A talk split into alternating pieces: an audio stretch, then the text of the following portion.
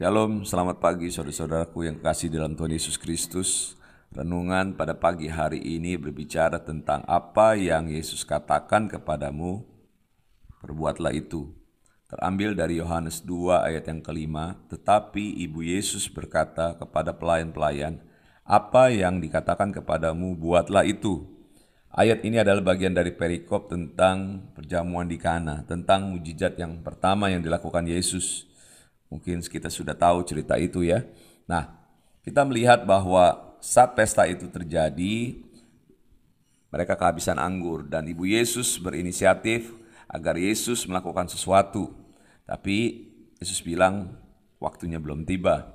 Nah, lalu Ibu Yesus berkata kepada pelayan-pelayan pesta yang ada di sana, dia katakan bahwa apa yang dikatakan Yesus nanti kepadamu, perbuatlah itu, lakukan saja ya. Jangan banyak tanya. Ah. Nah, seperti itu saudara yang dikasih Tuhan. Nah, pelayan-pelayan ini kita lihat kisah selanjutnya mereka melakukan tanpa ragu, tanpa banyak tanya. Nah, banyak orang Kristen kerap kali mereka setelah melihat mujizat baru dia mau taat, baru mau melakukan. Marilah kita jadi pribadi-pribadi yang bertumbuh dewasa di dalam pengenalan kita kepada Yesus Kristus untuk kita menjadi pribadi yang taat. Jadi pribadi yang melakukan perintah Tuhan. Saat engkau taat, saat engkau melakukan perintah Tuhan, percaya, mujizat yang luar biasa akan terjadi di dalam hidupmu. Lakukan itu, walaupun itu hal yang kecil, hal yang sederhana. Nah, kita perhatikan bahwa Yesus berkata kepada pelayan-pelayan itu, isilah tempayan-tempayan itu penuh dengan air dan mereka pun mengisinya sampai penuh. Lalu kata Yesus kepada mereka, "Sekarang cedoklah dan bawalah kepada pemimpin pesta." Lalu mereka pun membawanya. Kita lihat ada enam tempayan firman Tuhan katakan dan mereka diminta untuk mengisi penuh. Dan bagaimana respon dari pelayan itu? Tanpa banyak tanah, tanya tadi saya katakan mereka melakukan dengan baik, dengan cepat dan sesuai dengan apa yang Yesus perintahkan. Ya, kita lihat di sini mereka mengisi sampai penuh. Kedua, mereka mencedoknya, ya. Yang ketiga, mereka membawanya.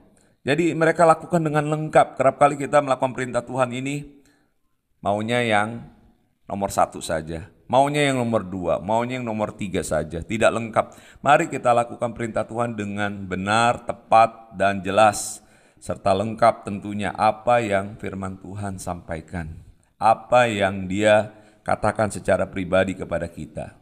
Nah, saat engkau melakukan itu dengan benar, mujizat terjadi. Dan saudara mesti tahu bahwa ketika mujizat itu terjadi, itu untuk kemuliaan nama Tuhan. Itu harus jadi kemuliaan nama Tuhan. Nama Tuhan harus ditinggikan di dalam kehidupan kita. Itu yang pertama. Yang kedua, itu untuk kebaikan kita. Kita yang mengalami mujizat Tuhan mendatangkan kebaikan buat kita supaya keadaan kita baik. Pelayan-pelayan itu walaupun tidak diceritakan secara detail saya yakin dia melihat mujizat yang luar biasa dan itu mendatangkan kebaikan buat dirinya, buat kehidupan mereka dan mereka saya yakin mereka juga percaya di dalam kehidupan mereka mengalami satu hal yang luar biasa dan mujizat juga terjadi untuk apa? Untuk kebaikan orang lain ya orang lain yang bersama-sama dengan kita ketika engkau taat mujizat itu juga datang. Mungkin engkau saat ini sedang bekerja di sebuah kantor perusahaan dan berkat itu juga terjadi buat tempat di mana engkau bekerja. Mujizat itu terjadi tempat di mana engkau tinggal yaitu keluargamu di dalam komunitas dalam lingkungan apa pun. Jadi bukan semata-mata mujizat terjadi untuk kebanggaan kita atau untuk kesombongan kita tidak. Tetapi untuk kemuliaan Tuhan, untuk kebaikanmu dan juga untuk lain orang. Marilah kita jadi pribadi-pribadi yang apa yang Yesus katakan, kita akan lakukan. Semangat di dalam menjalani kehidupan kita. Tuhan Yesus memberkati kepada kita. Amin.